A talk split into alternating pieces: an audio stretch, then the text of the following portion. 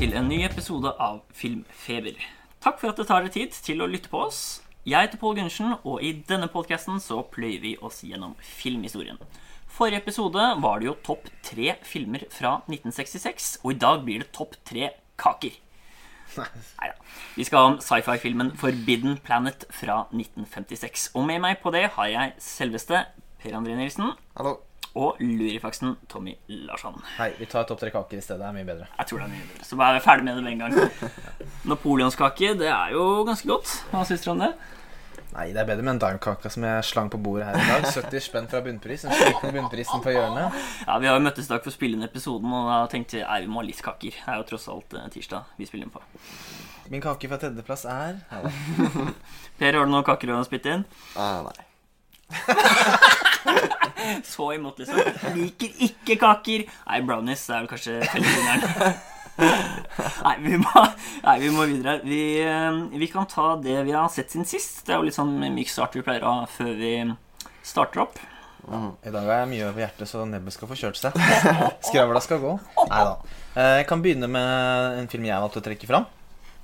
Som er en film som heter The Music Room av Satyajit Rai eh, fra 1958. Det er denne indiske regissøren jeg nevnte for et par episoder siden. Ja, ja, fortsetter på han.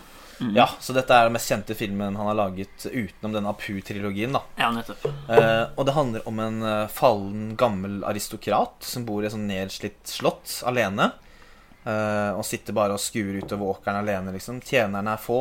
Uh, Insektene har begynt å ta over liksom borgen hans, og han husker nesten ingenting lenger. Han sitter bare og stirrer ut. Og så starter et flashback eh, helt i starten av filmen som forklarer hvordan ting ble som det ble. da Så Ja. ser vi at han egentlig var, hadde familie og var rik osv. Og, og så får vi etter hvert vite i filmen at uh, han likte å bruke penger på å leie inn musikere som han satt og hørte på. Uh, så mye av filmen handler på en måte om hvordan den hobbyen eller livsstilen tar finansielt knekken på han. da Og så skjer det en del andre ting som jeg ikke skal spoile. Ja, det er jo ganske dyr hobby, da istedenfor bare å kjøpe seg en CD og smelle på sangene. Så har vi liksom liveband inn. Akkurat som i CD-er i India er 58. Så, så da det, Han gjør det veldig dyrt. Så mm, Ja, hva for noe musikk er det egentlig han hører på? black metal. Ja. Nei, det er, eh, det er indisk klassisk musikk. eh, mye trommer og litt sånn chanting og ja, Ikke at jeg kan alle de instrumentene de bruker. eh, Sitar, kanskje. Bollywood. Så ja, den var ganske bra. Et sånn portrett av ensomhet og nostalgi og det som ikke gir slipp på fortida. da Ja. Uh, På en måte litt sånn aristokratisk forfall bare vist i én person. Uh, og så er det ganske sånn melankolsk stemning og Samtidig som det er tribute til musikken. da Så Som med den trilogien så er liksom alt on point. Skuespillet er bra. Spesielt han hovedrollen. Bra, Veldig bra foto. Og ja.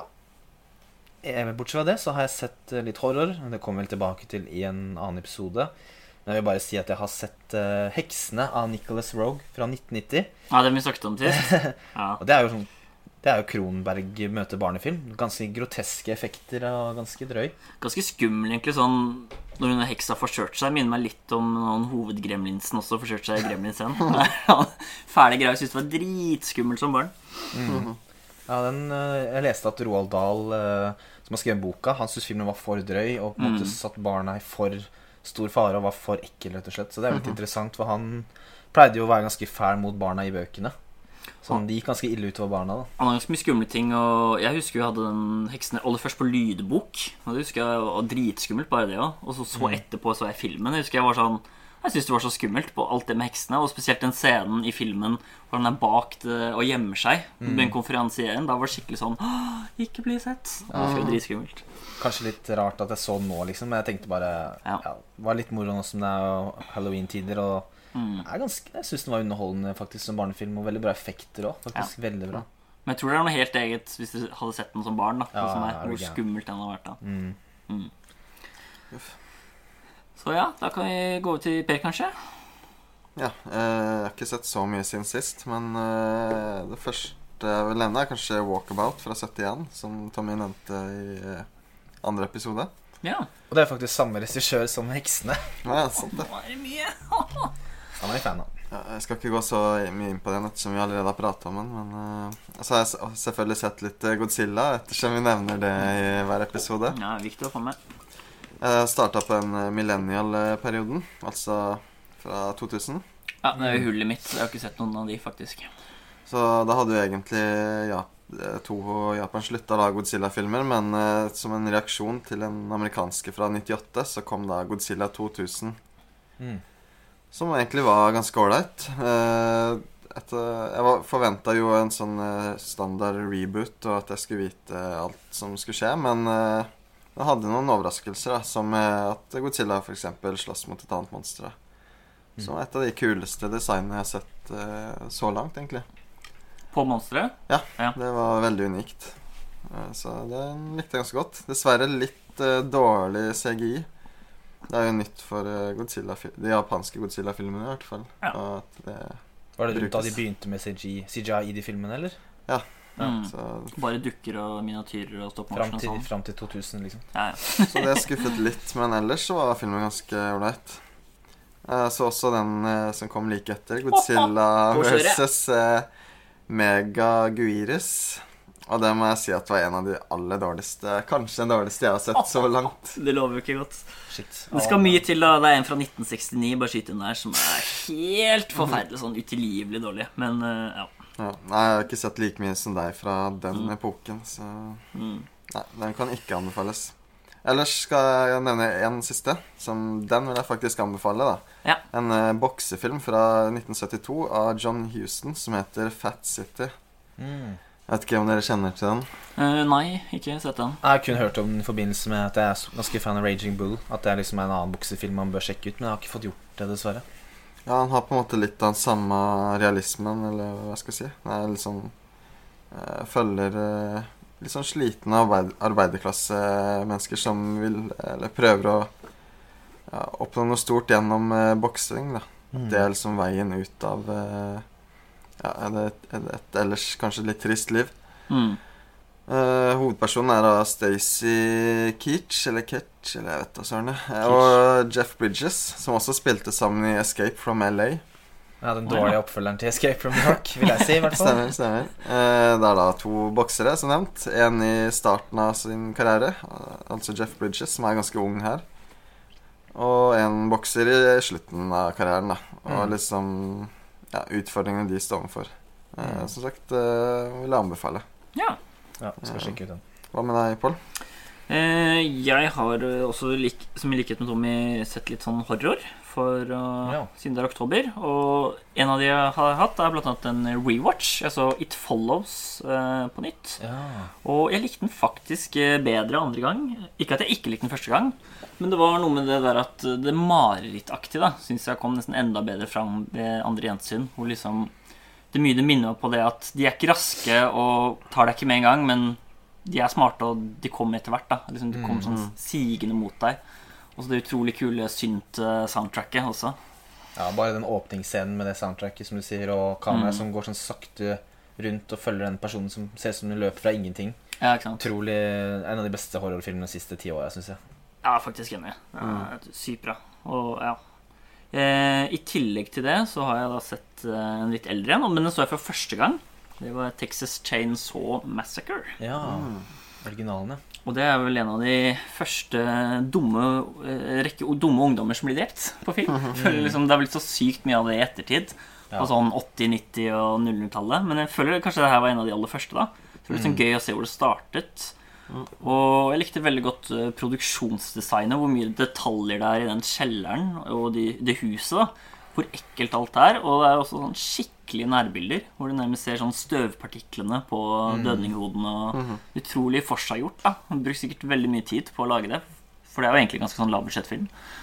Den er guffen. Veldig sånn har jo lest at den liksom har I ettertid, nå som tiårene har gått, så er det mange som syns den på en måte bikker over og blir liksom nesten komisk. Men jeg syns den er ganske sånn ekkel og gritty og guffen. Og mm. den Ekkel er bra ord, egentlig. Ja, ubehagelig å se på. Det er liksom ikke. Jeg sitter ikke og ler av hvor gammelt og teit det virker. på en måte Ja, enig. Og så er det jo en eh, ja, liten spoiler alert. Det er jo en liten twist òg, som ikke hele jeg så komme. Og det er at han har jo Han gærningen motorsagmassakren har jo flere hjelpere, som da er familien hans. Spoiler alert. Så det, det Jeg ble i hvert fall tatt helt på senga når du løper inn på bensinstasjonen der. Og så, Oi, var alle de med på det? Og Mm. den så liksom ikke helt komme. Det var også litt sånn annerledes. Og så er det jo morsomt som med alle de filmene, er at eh, det er de som spiller 19-åringer, ser ut som de er 40. Det er også litt morsomt. Ja, det er jo standard i film, egentlig. Ja. Mm. Kommer nok tilbake til etterpå. Ja, det er sant. Eh, Så ja, jeg har sett litt mer om Men er kanskje de har trekke fram, da, siden det er oktober month. Så Mm. ja, da kan vi kanskje gå videre. Yes. Jeg tenkte jeg skulle ta en liten eh, nyhet. Ja, det kan vi Eh, gjøre. Dette er ikke noe som dere ikke har fått med. Det er ikke sånn helt splitter ny nyhet, men jeg tenkte det var verdt å nevne på podden. At Sasha Baron Cohen har ferdigstilt en oppfølger til Borat. Mm, ja, ja, Eh, mm -hmm. Som kom ganske sånn brått på den traileren ble sluppet. Ja. Og den kommer uh, fra når vi spiller inn nå om ti dager, 23. oktober, på Amazon Prime. Mm. Og den har den morsomme tittelen Borat Subsequent Movie Film. Delivery of prodigious bribe to American regime to, for make benefit once glorious nation of Kazakhstan. Tilbake på det greiene der. Så det blir jo ganske morsomt. Eh, Ja, vi må vel ha en episode om det, tror jeg. Hvor vi ser både gamle Borat og den nye. Vi må vel nesten det. Og så har jeg også sjekka ut en uh, artikkel på deadline.com hvor det sto at uh, det var rapportert at han måtte bruke at Baron Cohen måtte bruke skuddsikker vest på to uh, dager de filma. Så det lover jo på en måte bra, da. Så satser på at den er ganske klin kokos. Ja. Det var en periode han ble så, nesten så superkjendis av de filmene at han liksom følte at han ikke kunne gjøre det lenger. Det var vel mye av grunnen til at han lagde den der diktatoren. Mm. Men nå virker det som det har liksom gått nok tid, da. At han liksom kan vende tilbake. Og så er jo selvfølgelig også USA hvor han er, er så stort. Så det er alltid nye folk han kan finne som liksom ikke følger med i populærkultur og nyheter og sånne ting. da USA har blitt så Mm. bonkers igjen at han kan Ja. spille på det. Og det nesten Ja, Han fortsetter videre. virker eh, bra. Nei, Det blir spennende. Og ja, i tillegg så må vi jo nevne Vi snakket jo så vidt var vel første episode at vi gledet oss til Dune. Og den har jo blitt Ja. utsatt et helt år nå. Så det er jo litt sånn Det var uh, slag i filmmagen. Ja, det var litt, litt lenger enn eh, ja, At den skulle bli utsatt, kom kanskje ikke som en sjokk, men så lenge var det, det var kjipt. Bare for når det er så lang trailer også, så tenkte man jo ok, nå begynner det kanskje å nærme seg noe. Men uh, ja. Trengte et år til. Og fortsatt ikke noe nytt om Godzilla versus King Kong. Altså. den kan ja, det, det- Det jeg ser mest fram til nå ut året, egentlig, nå som nesten alt har blitt flytta, er kanskje den nye Pixar-filmen, faktisk. Soul. For den skal komme på Disney Pluss i desember. Og det, Ja. Jeg vet ikke om dere likte Inside Out, men det ser ut som det ligner ganske mye på den. Ja, den det er ikke så mye annet å se fram til nå, så Nei, det er litt uh, tørke, så vi får heller gå tilbake i tid, som vi ser på gamle slagere. det skal vi i dag, for å si det sånn. Ja, vi skal det, for vi skal jo på selveste Forbidden Planet fra 1956.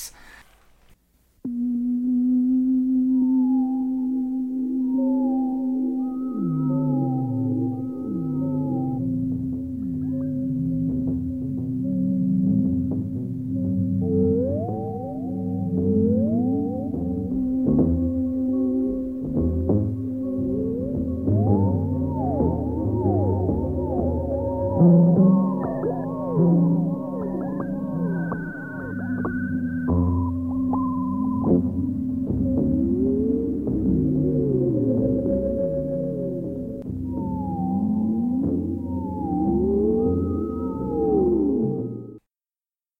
Planet eh, er en science fiction-film, eh, eller eventyrthriller, kan vi kanskje si, fra 1956. eh, Regissert av Fred Wilcox. Eh, Det handler jo da om en gruppe astronauter inn i framtiden som er ute på oppdrag eh, og får et slags signal fra en eh, mystisk planet. Så lander de der for å utforske hva som skjer. Det er egentlig hovedpremisset. Ja. Høres ut som Interstellar av Christopher Nolan, men det er det ikke. Man kan har sett filmen. Hva syns dere om den? Vi har jo sett den før, alle mann, men det var noen år sia.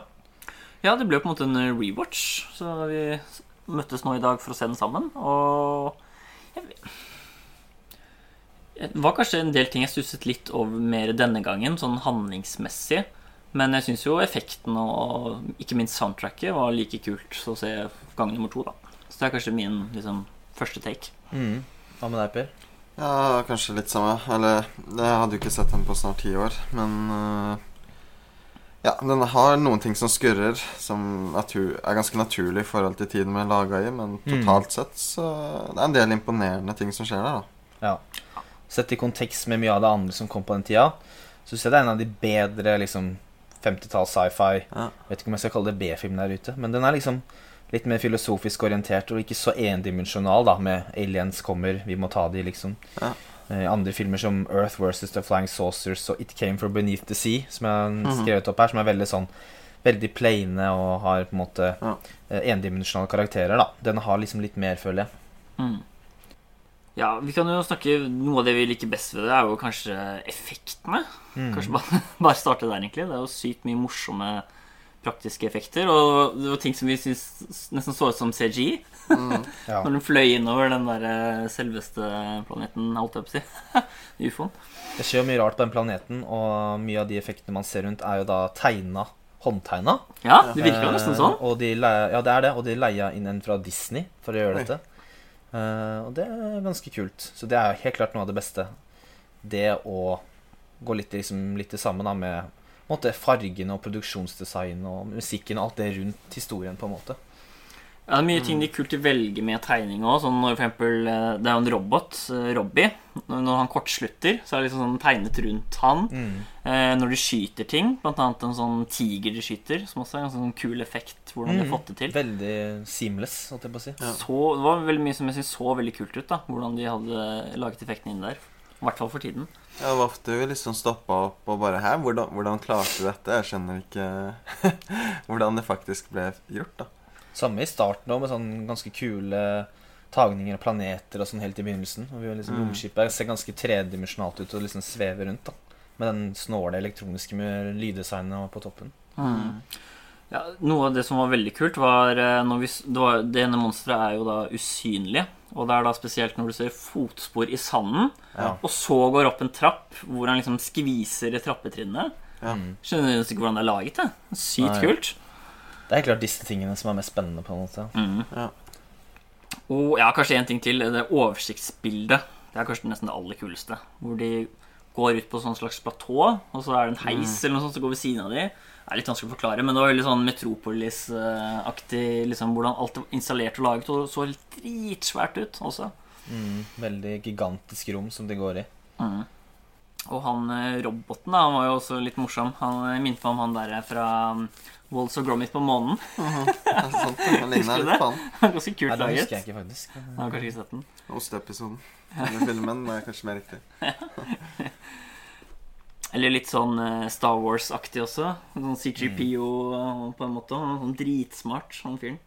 Mm. Han var på mange måter en comic relief, da. Det var jo en scene hvor han styrte en halv flaske bourbon og raper.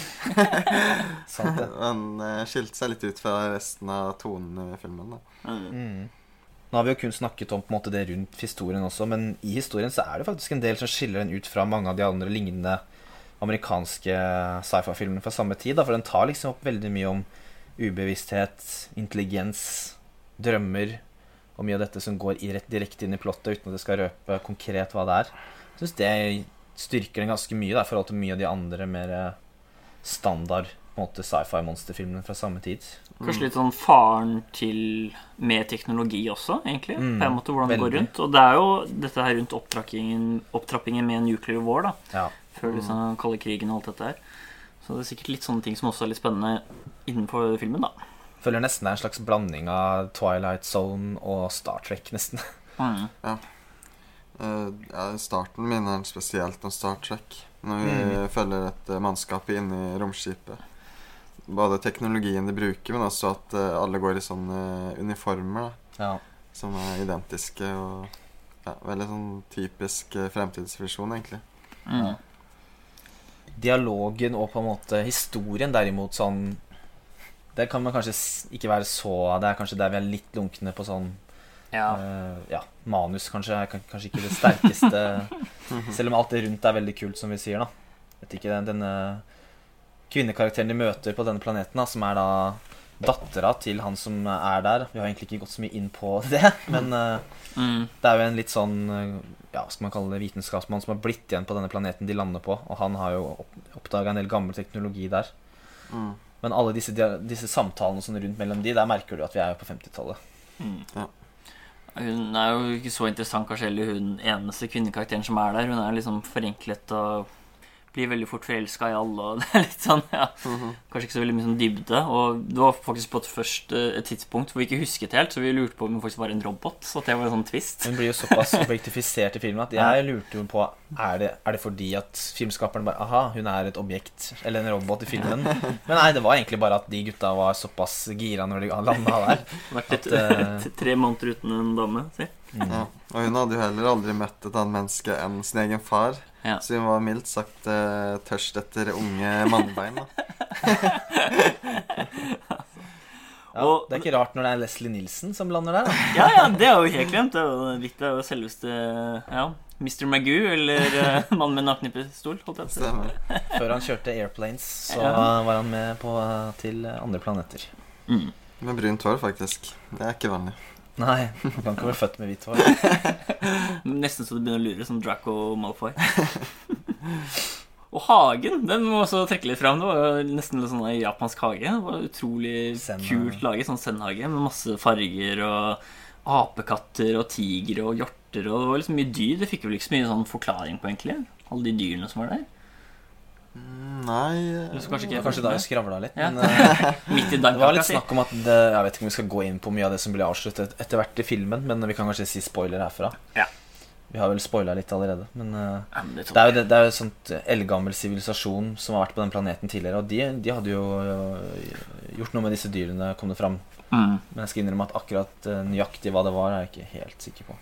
Ja, og det er jo da dette usynlige vesenet som jeg snakket om tidligere. Det er jo dette monsteret, og det kulminerer jo i en dritkul scene hvor de har satt opp slags sånne elektriske gjerder av noe slag, som også er sånn veldig kult laget.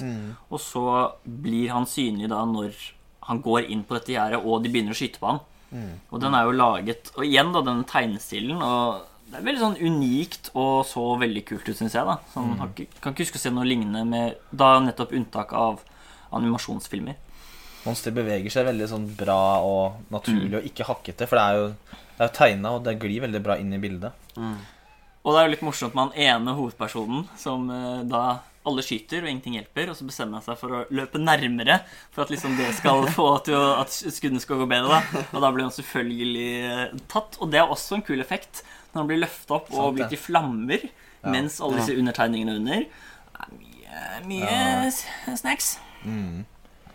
Og så var filmen også ute med en del ting som jeg leste på Wikipedia, den største, beste kilden vi har. Ja. Uh, så jeg kan bare ramse opp det. Se om dere visste noe om dette.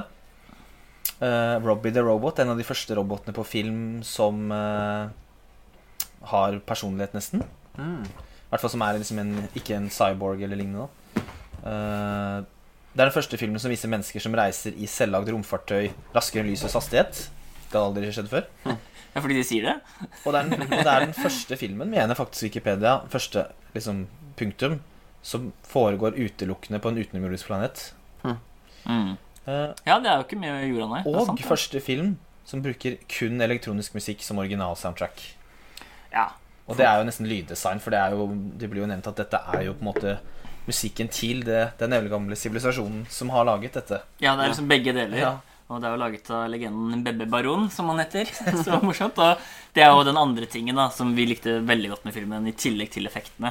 Så kan det bli en naturlig overgang. Det var jo soundtracket. Det var dritkult, ass. Ja, Ja. skikkelig kult. Hvordan det Eh, liksom var laget. Ja, Sånn det var noen sånne magnetiske tapes eller noe sånt, eh, tror jeg. veldig er- rart. Ja, Ja. veldig sånn Ja. Høres ut som den kaster noen rare greier inn i en brønn, og magnetisme og Nesten sånn sagelyd, faktisk. og Sånn fram og tilbake. Og, men det ble på en måte ikke bare sånne rare pling-pong-lyder. Det, det ga Ja. liksom faktisk en stemning da som passet til scenen. Og det var jo også variert, ut ifra om det var en spennende scene Mm. eller om en rolig scene. Og så merket du ofte hvis det var lenge borte, men når det kom tilbake, så var det sånn ah, kult. du liksom Mm. løfta scenen ofte da når det kom til soundtracket. Det er, ganske, det er veldig framtredende. Du, du ser ikke filmen uten å få det med deg, på en måte. Nei. Som om ofte mye annen musikk ikke tenker over musikk i filmer. da Ja. Mindre det er veldig spesielt. Mm. spesielt. Ganske voldsom bass også til 50-tallet. Veldig. Hadde rista på sin mateke si. Han hadde sett den der. Mm.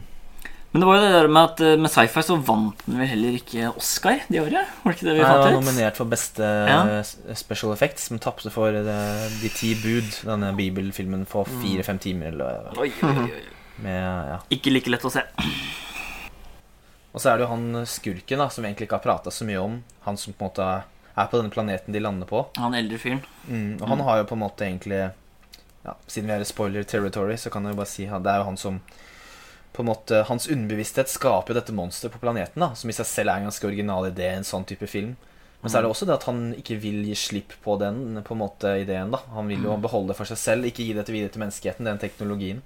Og han mener vel også at han er uskyldig òg, at det ikke stemmer. Og Ja. prøver å overtale dat dattera si til liksom Nei, det er ikke meg, og du tror vel ikke på de, og det blir sånn konflikt der, da. Ja.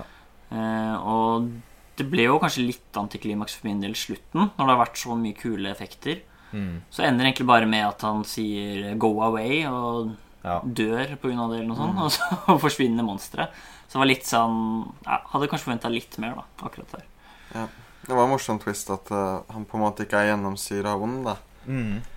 Det er ikke så vanlig. Men det, jeg hadde kanskje litt problemer med liksom Hva skal jeg si karakterdesignet sånn rent visuelt sett. For det, man skjønner ganske tidlig hva måten han ser ut At han Helt her, han her kan ikke være god. Med skjegget og litt sånn strengt blikk og sorte klær og Jeg mente jo at han var en blanding av Anton LaVey og Steven Seagal. Men eh, Og så hadde han 181 i IQ, det er også litt morsomt. Og ja, sant, det er litt de, IQ-greiene. de tester Han han ene doktoren, da. Eh, Og han hadde bare 100, 161. 161, og han blir da blir kalt apehue av han på Ja, sant 181. Derfor da, for han var så dum på sine skavre 161. Man kan jo nevne at eh, da Vinci hadde 180 og Einstein 160. Så ja, denne ape, ape brain er jo faktisk eh, hakket over Einstein, altså. Oi, oi, oi. Og likevel ikke smart nok til å skjønne at det var han som styrte monsteret.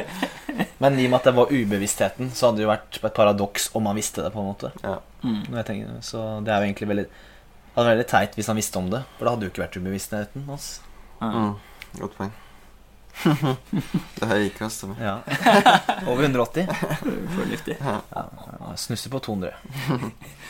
Ja, så det er vel kanskje For å oppsummere så er det vel da Ja, det som vi sa først, at liksom er soundtracket og effektene som er litt det man tar for, tar for seg. da Så Og de kan- er veldig bra, Ja, faktisk. jeg det er verdt er å se det pga. Ja. hvis man er interessert i en sånn type film. Og det er jo ikke fire timer langt epos heller, så det er sånn Det er en film du jeg 90 minutter, anbefaler. vel? Ja, ish, ikke sant. Så tenker egentlig det.